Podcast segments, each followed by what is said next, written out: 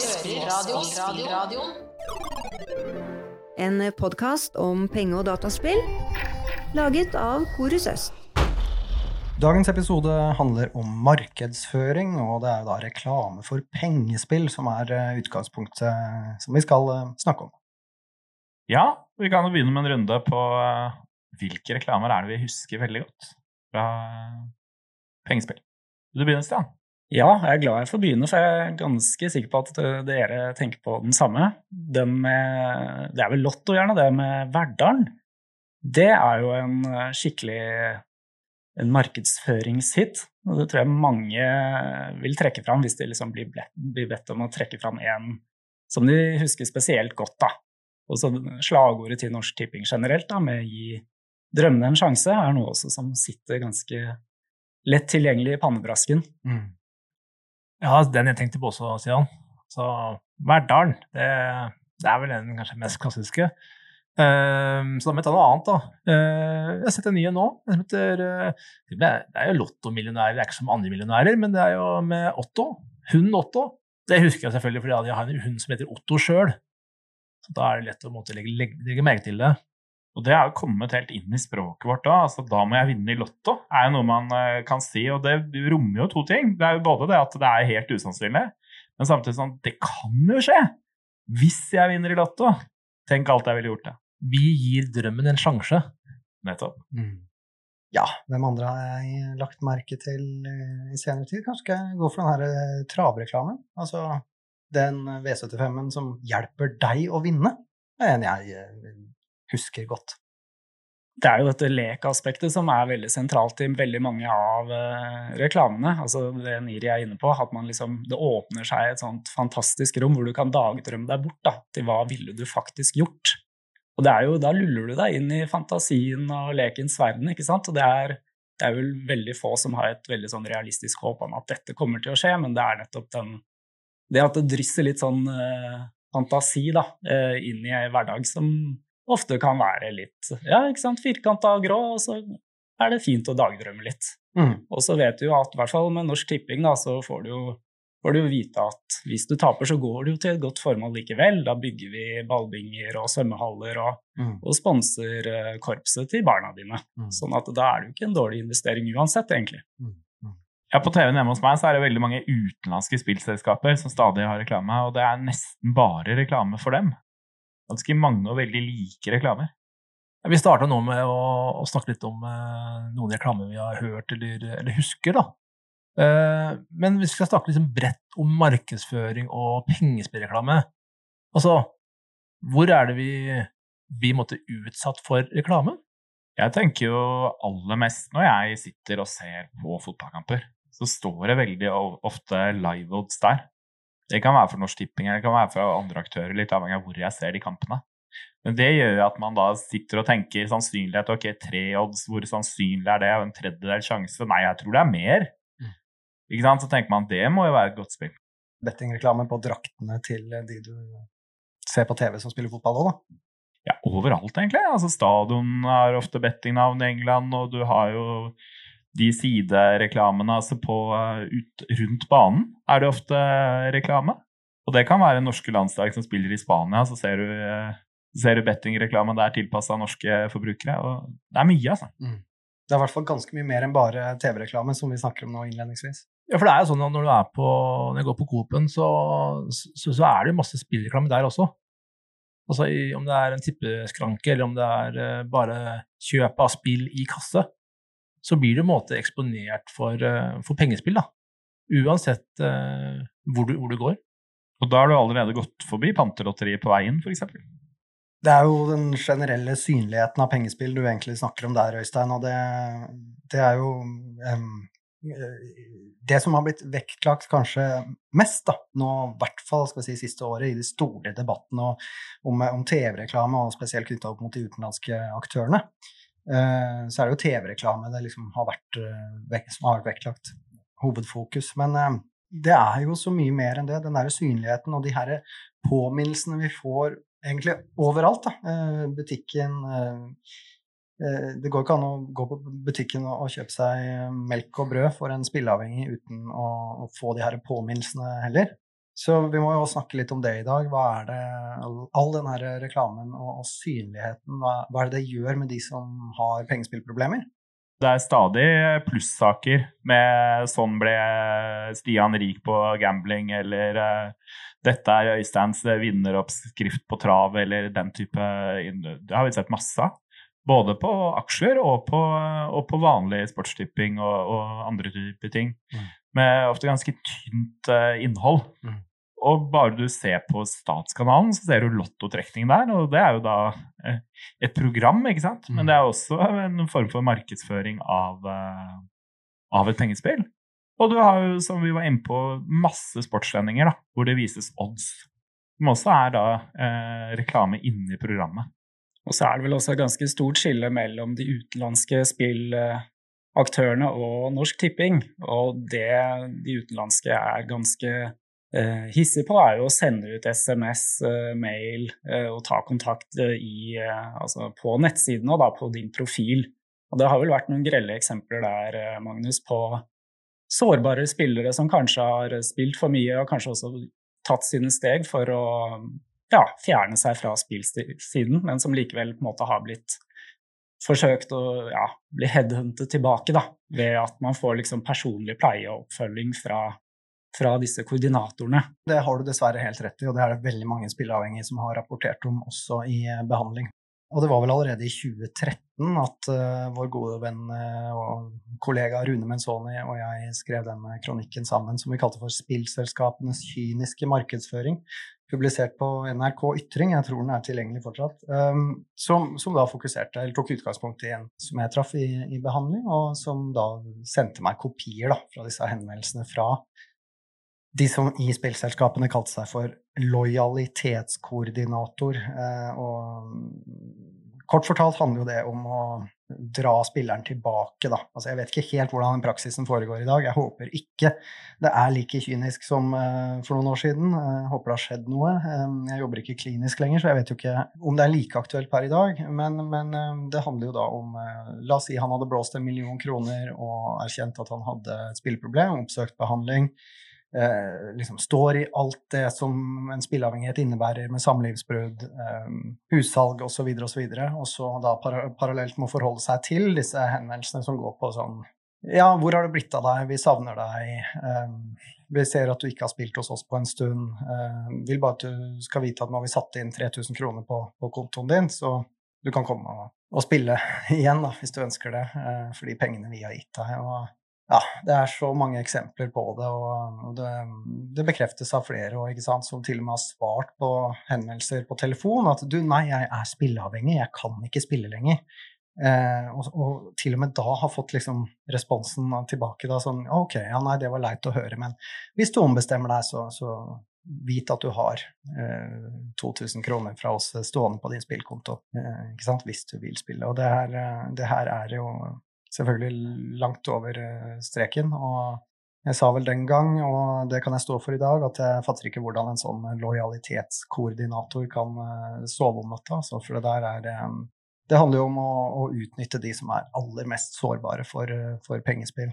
Det er, det er, skremmende å høre om en slik praksis som ja, i hvert fall vi, var, vi som sto i det og jobba med det klinisk òg, følte oss forplikta til å løfte da, og synliggjøre. Så men det er klart, den type henvendelser den er um, altså den direkte personlige markedsføringen på telefon, SMS, e-post, som du nevnte også, det er, uh, det er klart det er en det er en trigger, og det er i høyeste grad en risiko eh, som kan eh, utløse et eh, tilbakefall, da, hvis du har klart å endre spillvanene dine. Vi kan jo forestille oss hvordan det hadde vært om en bartender hadde gjort det samme. Altså, det var en som var til rusbehandling, og så mm. ringte man eh, fra stamstedet og fortalte at uh, i kveld er alt på deg, og alle på puben savner deg, og, mm. og så videre. Uh, eller er alt på huset. Mm, ja. det, det, viser jo litt at hvor mm.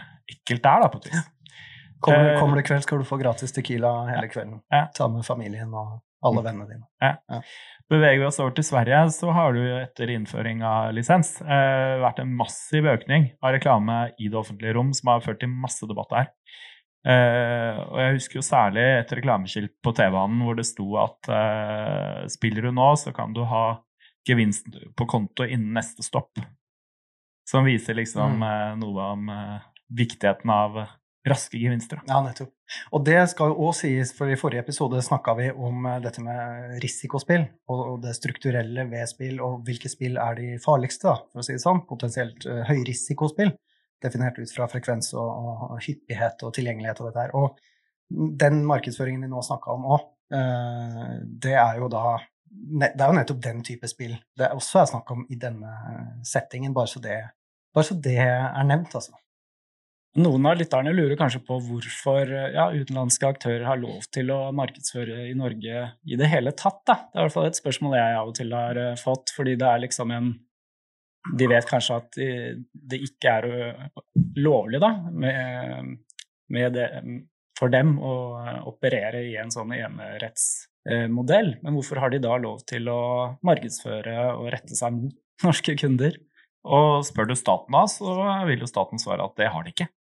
Enkelt og greit. Altså fra 1.1.21 så skal det ikke være lov å rette markedsføring mot norske spillere for utenlandske pengespillselskap. Eh, og så har jo Discovery eh, saksøkt staten fordi de nekter dem å ha TV-reklame for utenlandske spill. Og der har vel også ESA sagt at de ikke vil behandle en sånn sak, at det skal avgjøres eh, nasjonalt. Men den er jo ikke endelig avgjort, den, eh, den saken. Og hva er ESA? ESA er overvåkningsorganet som bl.a. håndhever EØS-avtalen. Du, du, du nevnte jo Sverige, Niri. Eh, etter lisensieringen i Sverige så har, har det måtte vært en, eh, en oppblomstring.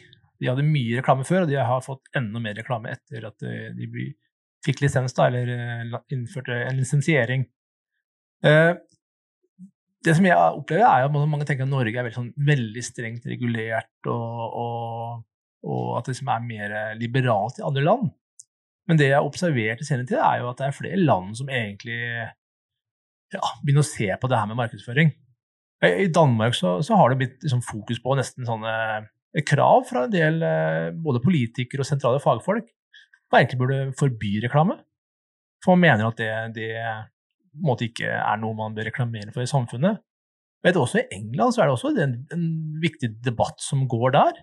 Eh, skal man overhodet egentlig kunne markedsføre pengespill på arenaer hvor barn blir eksponert for det? Altså det er jo en, Vi nevnte jo da at eh, det er ganske mange lag i Premier League og sikkert andre ligaer nede i engelske systemet som reklamerer for uh, gamblingselskaper. Der, der altså er det en diskusjon, eh, og som kanskje ender med at det blir forbudt å, å reklamere på drakter, på stadioner? På steder hvor barn og unge eh, oppholder seg. Pengespill, som vi også vet eh, tar liv i ytterste konsekvens. Det er jo spørsmål som i hvert fall må være lov å, å løfte. Bør det være reklame for pengespill overhodet? Jeg syns det er veldig, veldig viktig og, og egentlig helt nødvendig spørsmål. Og så er det nok eh, Skal ikke jeg svare på hvorfor det er sånn, for det tror jeg er veldig mange forklaringer til. Eh, Ikke minst noe med som vi sa i stad. Altså, mye av overskuddet fra hvert fall Norsk Tipping går jo til veldig altså, samfunnsnyttige formål. Så det, er, det har jo på en måte en, eh, en positiv eh, utkom, da, som veldig mange setter pris på. Eh, Men når vi ser på problemene og, og, og, og den siden av pengespill, så er det jo helt legitimt å stille spørsmålet ja, bør det være lov å reklamere for pengespill overhodet.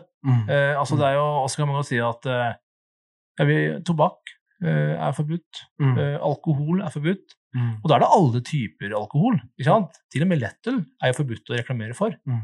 Ikke sant? Selv om man kan jo si at eh, lettøl er jo ikke så farlig som, eh, som sprit. Mm. Ikke sant? Og man kan diskusjon er det lov å Bør det være lov å markedsføre noen typer pengespill fordi at de er mindre alvorlig eller eh, mindre problemskapende? Men i forhold til noen andre, særlig tobakk og alkohol, så, så er det totalforbud. Mm. Mm. Og den markedsføringen treffer jo veldig veldig bredt. altså Den treffer jo veldig mange flere enn de som er over 18 år, og som har lov til å spille. Mm. Og det har man jo hatt noen studier på i Australia som har vært veldig spennende, hvor du ser hvor mye barna, altså ordentlig små barn, eh, hvor mye de husker av eh, både bettinglogoer og bettingsanger og alle mulige sånne ting, da, som er ganske skremmende utvikling. Det spørres jo også om eh, ja, norske folks eh, holdninger til eh, pengespillreklame også i befolkningsundersøkelsen som utføres av Spillforsk i Bergen. Mm. Og også andre undersøkelser, og det viser jo at den store majoriteten syns at det er for mye spillreklame på norske skjermer, og at de gjerne ønsker et, et forbud, da. Og så ja, kan man jo si at hvor mye skyldes at det er penges, pengespillreklame i seg selv, eller at det er reklame generelt, da. Men Mm. altså jeg er ganske sikker på at hvis du hadde hatt en folke, folkeavstemning om man skulle tillate det eller forby det, så ville det nok kanskje vært eh, forbudt, da. Og så vil det være gradsforskjell på innholdet selvfølgelig i, i reklame, da. Hvor mye kynisme det er og osv. Per Binde kan vel si eh, akkurat det samme fra undersøkelser eller studier i, i Sverige. At det, det sies jo det samme. Det er for mye eh, reklametrykk og, og ja. Ja, jeg vet jo at eh, altså når Svenska Spel eh, lanserte uh, poker som en del av sitt tilbud for en del år tilbake, så, så prøvde man liksom å kartlegge denne kanaliseringa. For det også var jo en måte intensjonen og, og målsettingen til den svenske stat. At her skal man måtte få svenske statsborgere som spilte utenlands, til å spille poker på en svensk regulert aktør. og det som i hvert fall jeg husker fra den rapporten, var jo at disse her pilene på hvor folk bevega seg, gikk jo litt i alle retninger. Noen, noen kom fra utlandet og spilte hos Svenska Spel, og andre begynte hos Svenska Spel og bevega seg ut, og noen spilte begge steder. Så, sånn at det, var ikke sånn at det var sånn entydig at uh, så lenge vi har et statlig regulert tilbud, så, så kommer alle hjem igjen, da.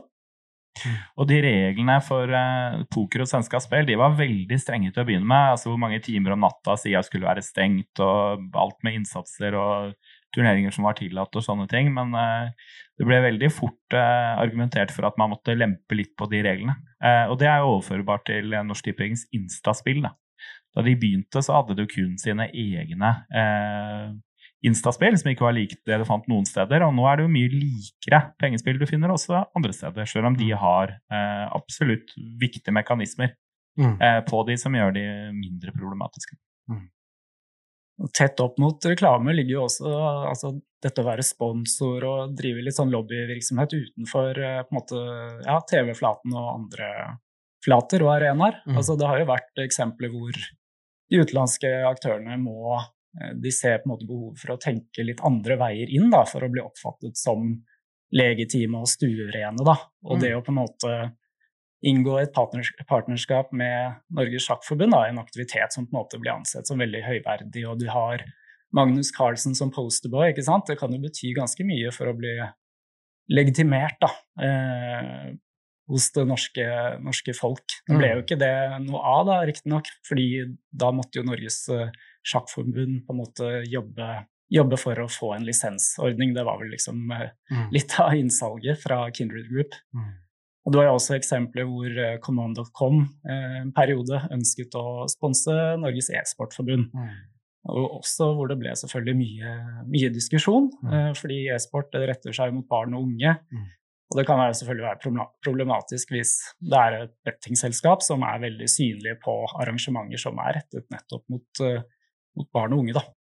Nå har vi snakka mye, og vi har snakka en del om effekter av uh, reklame og ulike typer reklame, og ikke minst uh, hva vi vet om eh, hvordan det berører de som sliter med, med pengespill, uh, spilleavhengig behandling osv., som bekrefter dette her. Men en glemt gruppe òg når vi snakker om eh, spilleavhengighet, er pårørende, altså de som står rundt de spilleavhengige. Og de også eh, bekrefter jo at dette her er eh, problematisk, altså å hele tida få det her eh, de påminnelsene. Og da snakker vi plutselig om veldig mange mennesker, ikke sant?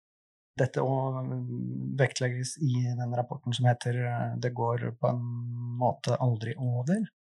Trude Klevan, eh, hva er det, hva er det du sier der, eh, Stian? Det er jo mye av det du sier nettopp nå, egentlig. Altså frustrasjonen i omgivelsene, ikke sant. Når du har en, eh, en av dine nærmeste som forsøker å avslutte sitt problematiske spill, men som eh, i den rapporten så er det jo da utenlandske operatører som tar direkte kontakt med spillere, blant annet, da. Mm. For nettopp, som vi har vært litt inne på, for å prøve å hanke de tilbake til spillingen og kan tilby innskudd eller uh, altså turer til uh, Litauen, ikke sant, helgeopphold. Mm. Alt for å på en måte få de litt utpå igjen, selv om de på en måte har gjort en enorm innsats da, uh, for å prøve å avslutte, avslutte spillingen. Mm. Og det er litt det samme som kommer frem i en ny, ny studie fra Spillforsk også, hvor de har forsket på spilleavhengige og tidligere spilleavhengige og deres erfaringer med direkte reklame. Og det, et viktig funn der er jo at de, de mener at ja, direkte reklame må på en måte bli en viktigere del også av behandling, eh, altså behandlings... Ikke, ja, tilbudet, eller som et viktig tema i, eh, i mm. behandlingen. Altså hvordan man skal håndtere det, mm. viktige strategier for å på en måte hanskes med det. da. Mm. For man må nesten, eh, ja, dessverre, kanskje regne med at man får sånne framstøt. Mm. Når det kommer til de hvorfor er det så utrolig mye reklame for de ulike pengespillene, så tror jeg det handler om at det er så mye penger å hente der. Altså er, eh, de har så store reklamebudsjetter fordi de tjener så gode penger på spillerne sine. Eh, og det gjør jo at eh, for TV-selskapene så er det jo fryktelig vanskelig å unngå dem. Eh, hvis de konkurrerer mot andre TV-selskaper som, eh, som, bruker dem.